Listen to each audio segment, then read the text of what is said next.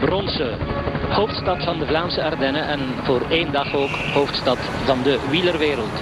Zou je geloven, Joren, dat ik zelf niet weet waar het moet geweest zijn? Maar jij weet het natuurlijk wel. Well, ik heb het uh, heel veel gezien op de, op de video. Hè. De video honderd keer bekeken. Ja. We hebben die volledig geanalyseerd. Ja. Beeld per beeld. Hier ben je nog nooit geweest? Nee, nee. Het is de eerste keer dat ik op deze plaats kom.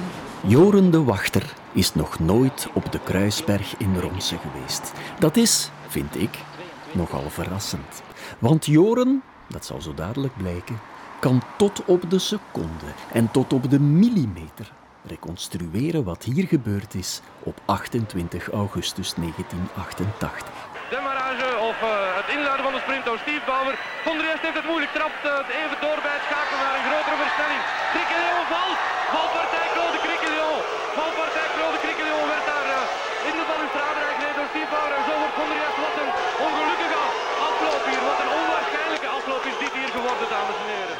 Joren was toen een jonge student rechten en een koersliefhebber. Ik was de enige in de familie die, uh, die naar de koers keek. En ik zat thuis naar tv te kijken. En ik heb dat live gezien. En zoals iedereen dacht ik van ja, allee, Bauer heeft daar geduwd. Hè. Manoeuvre van Bauer niet toelaatbaar, niet geoorloofd. Kijk, jongens, door zijn schuld gevallen. Dus jij springt vloekend recht? Uh, ja, inderdaad. Ja. Enfin, dat, weet, dat weet ik nu niet meer, maar in ieder geval, ik was, ik was verontwaardigd. Dat weet ik nog. Zo van, wat doet die mens nu? En Bauer is de baarlijke duivel. Boah, ik ga dat niet persoonlijk nemen, maar ja, hij was, het was helemaal verkeerd. Kijk eens. Een elleboogstoot erbij. Ik herinner mij dat hij um, later, ik denk een jaar of twee jaar later, heeft hij Parijs-Roubaix net verloren van Eddy Plankaart. 1990. In, ja, in een millimetersprint. En toen was ik heel blij dat hij verloren had. Bijna nog meer dan dat Eddy gewonnen had, omdat ik wou dat, ik wou dat hij verloor. Ja. Omdat het was een slechte mens. Wist hij toen veel dat de naam van die slechte mens binnenkort op zijn stageplaats zou gaan rondzingen. een half jaar of een jaar later vroegen ze mij dan zo van wie kent er hier iets van, uh, van wielrennen? Dus jij steekt je vinger op? Ja, wel. Het was een klein kantoortje, dus de, de, de, er, was, er was niet veel concurrentie. En dan zeiden ze van, ja kijk, we hebben hier een dossier, dat komt via een Canadese correspondent over Bauer tegen Criqueon. En wij, wij verdedigen Bauer. De man die een gat in de lucht had gesprongen omdat Eddie Plankaart Steve Bauer had geklopt, die slechte mens. Die man moet Steve Bauer nu plots gaan verdedigen. Kijk, ik vind het principe dat iedereen recht heeft op een goede vertegenwoordiging en een goede verdediging is zo fundamenteel, dat zit er zo diep in, dat je dat automatisch doet. Dus de, de, de, de grootste, het grootste monster heeft nog altijd, dat is een, dat wordt er in de, in de rechtenstudie ook wel ingestampt. Dat is een kwestie van beschaving. Maar in dit geval was dat ze van... Ja, maar die heeft toch geduwd.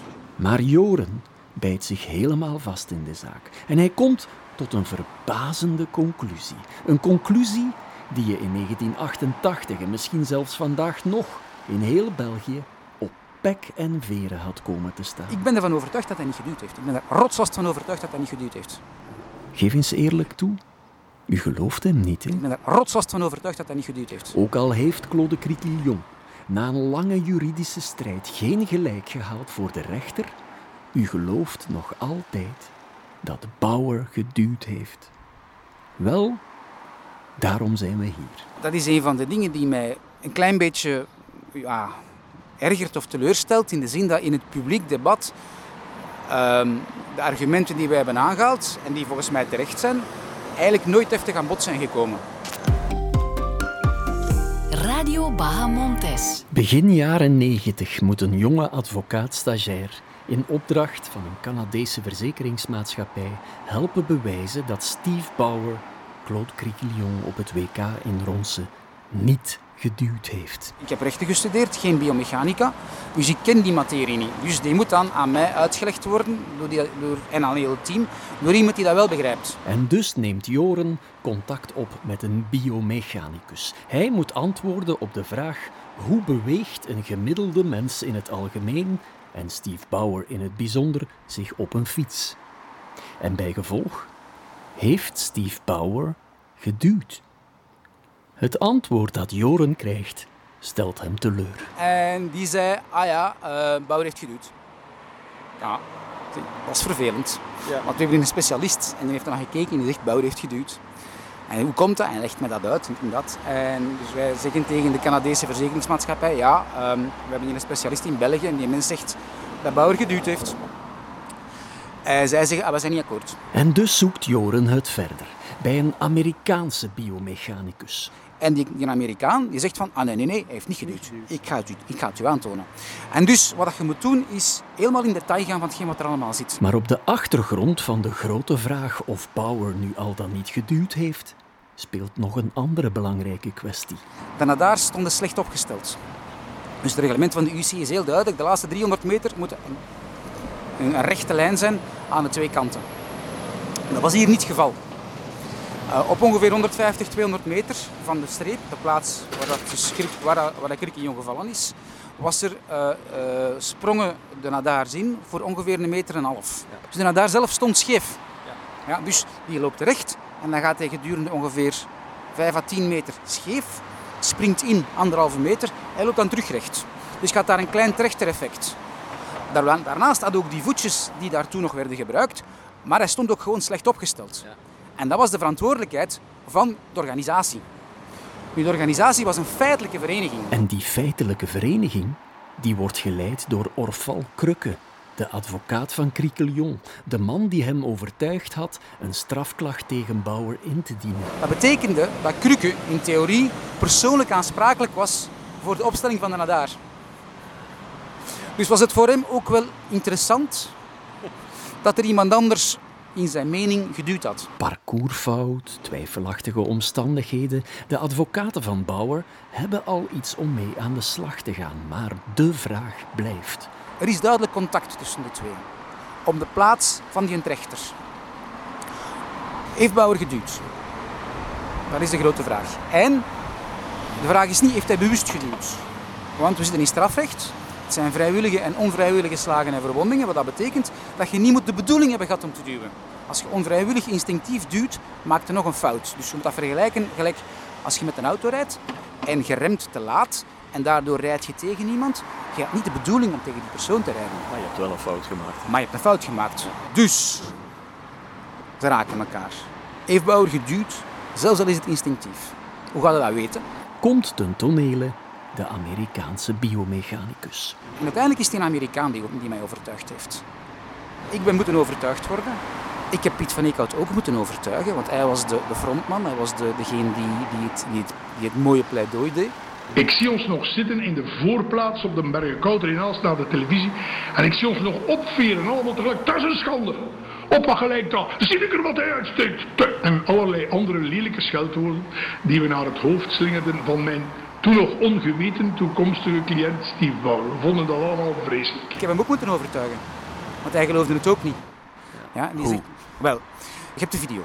Terwijl de ene na de andere vrachtwagen niets vermoedend de Kruisberg opkruipt, sta ik met een totaal onbekende, maar toch belangrijke acteur in de Criquelion Bauer saga naar de beelden van toen te kijken. Je laatste kilometer, daar hangt het rode spandoek. Criquelion op kop, Von Rest in tweede positie. Ze kijken waar Bauer blijft. Von der Est en Criquelion zijn samen ontsnapt. En dat is heel belangrijk.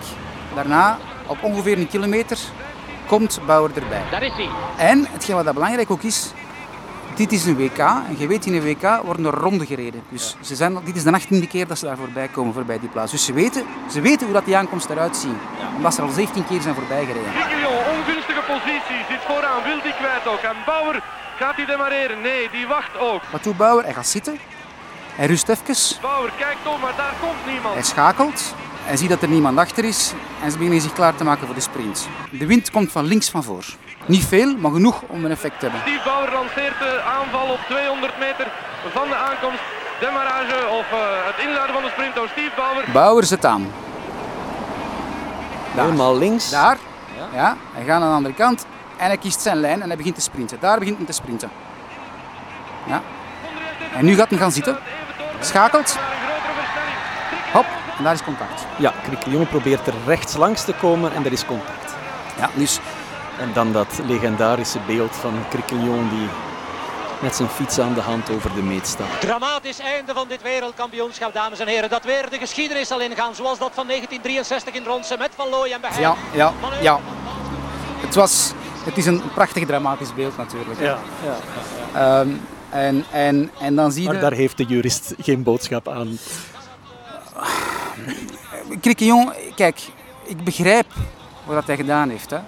Zeker in de koers. Maar het echte punt is natuurlijk, en dat is, eh, dat is het argument dat wij naar voren hebben gebracht, en dat is geen juridisch argument, dat is een feitelijk argument. Uh, Krikke heeft een inschattingsfout gemaakt. En dat is exact het punt dat Steve Bauer meteen voorbij de aankomstlijn probeert te maken. Net voor hij genadeloos gedisqualificeerd wordt. Krikke fell. He had a chance to win like I did, but I believe he took uh, an unnecessary risk to try to come uh, on the inside where it was dangerous against the barrier. And uh, you can see the barriers, they, they stick out from the road uh, 20 centimeters, huh? and he, hit, he touched me and he hit this pedal at the same time. And He accuses you, you know that? Obviously. En oorverdovend applaus hier. Wellicht wordt hier net omgeroepen dat uh, Steve Bauer gedisqualificeerd is. Ja, dat wordt bevestigd. De eerste getuigen zijn meteen unaniem. Eddie Merckx. Op zulke moment de deur gaan dicht doen en iemand ten val brengen, ja, dan, dan zoiets kun je niet goed praten. Dat is niks meer te zien met sport, dat wordt catch. Greg LeMond. It's one of the saddest things I've seen in cycling. There's been no winners in this World Championships. En bij deze voeg ik er een wat minder bekende naam aan toe. Joren de Wachter. Dus we gaan beginnen met de vraag, heeft hij zijn lijn gehouden? Ik heb er juist gezegd, ja, hij gaat van links naar rechts. Dat is juist. Voordat de sprint begint, gaan ze met drie van links naar rechts. Ja, ze gaan eerst, eerst zitten rechts, dan rijden ze helemaal links op de baan, omdat de wind van links komt. Maar op het ogenblik dat de sprint begint, en Bauer begint als eerste te sprinten, um, gaat, zet, zet hij zich aan de rechterkant van de weg. De camera staat niet in een loodlijn. Ja, dus de camera is in een hoek die aan de linkerkant van de aankomst komt als je naar de aankomst kijkt. Dat wil zeggen dat als Bauer aan de rechterkant rechtdoor rijdt, dat het voor de camera lijkt alsof, alsof hij naar rechts afwijkt. En dat is ook wat je ziet. Hij houdt zijn lijn tussen aanhalingstekens niet. Hij wijkt een beetje af naar rechts om de deur dicht te doen van Krikkejon. Dat is niet waar. Dat is misleidend. Wij hebben heel zijn lijn uitgetekend op een stuk papier van 4 meter lang, op schaal.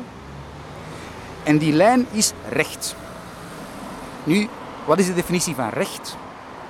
Uh, loodrecht op de aankomstlijn, zou ik denken? Nee. nee.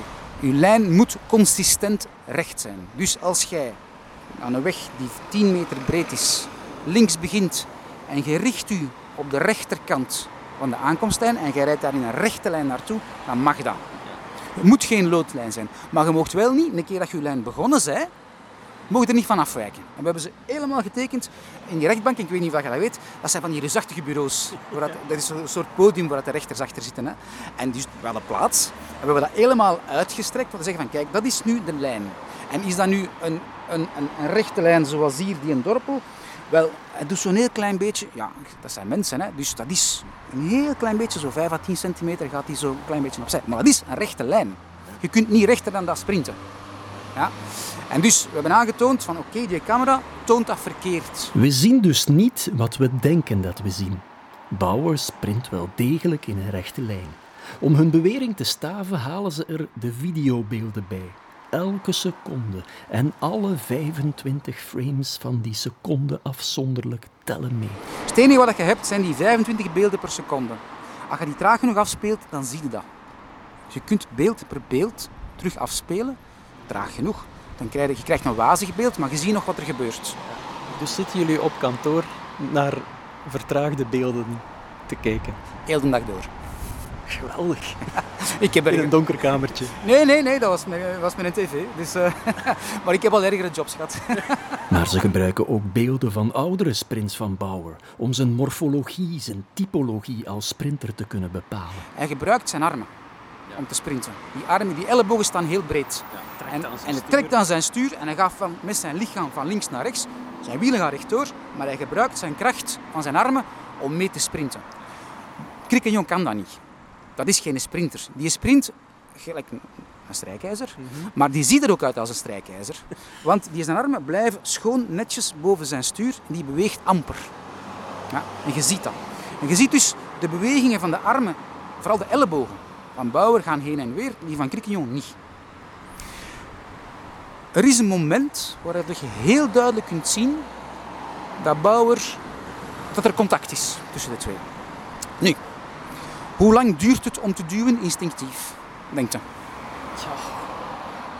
Je hebt de richting aangeven en dan... Ja, dan dus, dus je moet uit je ooghoek gezien meer dan contact alleszins. Voilà. Duwen is meer dan contact. Duwen is, duwen is een, zelf een beweging aangaan die niet consistent is met normaal sprinten. Ja? Want je moet, je moet momentum creëren om, om kracht te kunnen zetten tegen de andere persoon.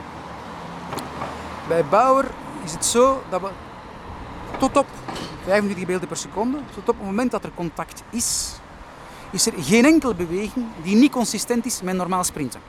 Dus zijn elleboog doet niks abnormaal, totdat hij abnormaal begint te bewegen. En op dat ogenblik kun je zien dat er al contact is. Dus de analyse die wij gedaan hebben is, Criquillon reed sneller, onder andere omdat Bauer was gaan zitten om van versnelling te veranderen. Daardoor verliest hij snelheid. Criquillon pakt snelheid, rijdt hem langs rechts voorbij, maar zie een, een scheve muur van de Nadar op zich afkomen en moet naar links of hij ligt in de Nadar. En daardoor ontstaat het contact. Waardoor hij geen keuze heeft dan Bauer naar links te duwen. Moest Criquillon kunnen sprinten, hij had Bauer gewoon een kwak gegeven. Maar dat kan hem niet. Hij weet niet wat dat moet doen, dus rijdt er gewoon boenk tegen. Er is eerst contact tussen Criquillon en Bauer. Dan is er contact tussen Criquillon en de rijkswachter die daar staat. Hij raakt hem met zijn hoofd en dan raakt zijn wiel de betonblok van de Nadar. Het is de eerste keer dat in een Belgisch strafhof videobeelden als bewijsmateriaal worden aangeleverd. De frames, de vier meter lange reconstructie van Bauers lijn en de analyse van de Amerikaanse biomechanicus maken indruk. Details zijn belangrijk, op alle vlakken. Die heeft mij ook zo van die details geleerd dat als je ooit getuige bent voor in een rechtbank, dan moet je een blauw kostuum dragen. Wat mensen vertrouwen. Blauw kostuum? Ja, want de mensen vertrouwen niet meer. Donkerblauw. Maar het schijnt is dat wat de politici ook allemaal doen. Dus, dus die mensen komen uit Amerika. In Amerika zijn ze dat gewoon om zo, dat soort getuigenissen te doen voor, je kent dat, hè? examination, cross-examination, en voor een jury, voor gewone mensen. Dus jij had op de zitting een blauw kostuum aan? Uiteraard. Het moet mijn eerste geweest zijn. De correctionele rechtbank van Oudenaarde gaat mee in de redenering van het team van Joren. En Bauer wordt vrijgesproken. En later bevestigt het Hof van Beroep in Gent. Criquillon valt. Valpartij Claude Criquillon. Valpartij Claude Criquillon werd daar uh, in de balustrade. Ik heb een uur lang op de Kruisberg in Ronse staan luisteren naar een bevlogen pleidooi. En ik gebruik heel bewust het woord pleidooi.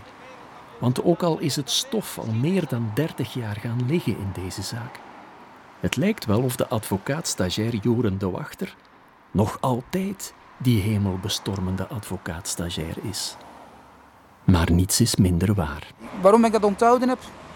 Dat is een toffe zaak, jongen. Een jonge stagiair. Ik bedoel, ik, sindsdien volg ik het wielrennen veel meer gepassioneerd. Ik ga nu, ik ga nu elk jaar naar de Ronde van Vlaanderen kijken. Enfin, tot dan, ik ging altijd op de muur van Gerardsbergen zitten. Dat is nu niet meer. Ik heb hem ene keer zelf gereden als, als, als de volledige 260, als wielertoerist. Ehm, ik kijk naar de koers. Ehm, Maar je bent geen jurist meer. Nee. Ook al heb je het pleiten, dat heb ik nu aan de lijve ondervonden, wel nog altijd in je. Ja, maar dat is, ja, de, mens, de mens maakt ontwikkelingen in zijn leven. En ik ben vandaag niet de persoon die ik 30 jaar geleden was. Maar de echte reden is dat ik persoonlijk het juridische, ehm, zeker de advocatuur, want ik ben, ik ben tien jaar advocaat geweest en ben ik daarmee gestopt. Voor mij is het juridische veel te vaak, niet altijd, het kan heel goed zijn, het kan heel mooi zijn, maar is het veel te vaak een zero-sum game. Winnen of verliezen. En mijn, mijn echte grote eh, kwaliteiten liggen meer in... Ik ben een, goeie, een hele goede onderhandelaar. En ik kan heel goed zaken die moeilijk zijn eenvoudig voorstellen. Of begrijpbaar voorstellen. Ehm, en ik, heb, ik probeer dat, die capaciteiten te gebruiken op een minder confront- confronterende of confrontationele manier. Ik was een advocaat die het vervelend vond dat er iemand moest verliezen. Ja. Ik, zou liever, ik zou liever hebben dat ze overeenkwamen. Is, is die zaak Bauer-Criquelion ook zo'n zero-sum game, waar uiteindelijk geen winnaars en geen verliezers in zijn? Want, want heeft later gezegd van ja, misschien had ik het toch had ik het toch beter niet gedaan. Ik denk dat dat een heel slimme opmerking van hem was. Naar mijn gevoel heeft hij zich laten manipuleren door zijn omgeving. Ik ben ervan overtuigd, zoals ik ken, ik heb hem nooit persoonlijk gekend uiteraard, maar het, het beeld dat ik van hem heb, was dat iemand die heel goed kon koersen en voor de rest heel, heel sympathieke mens was.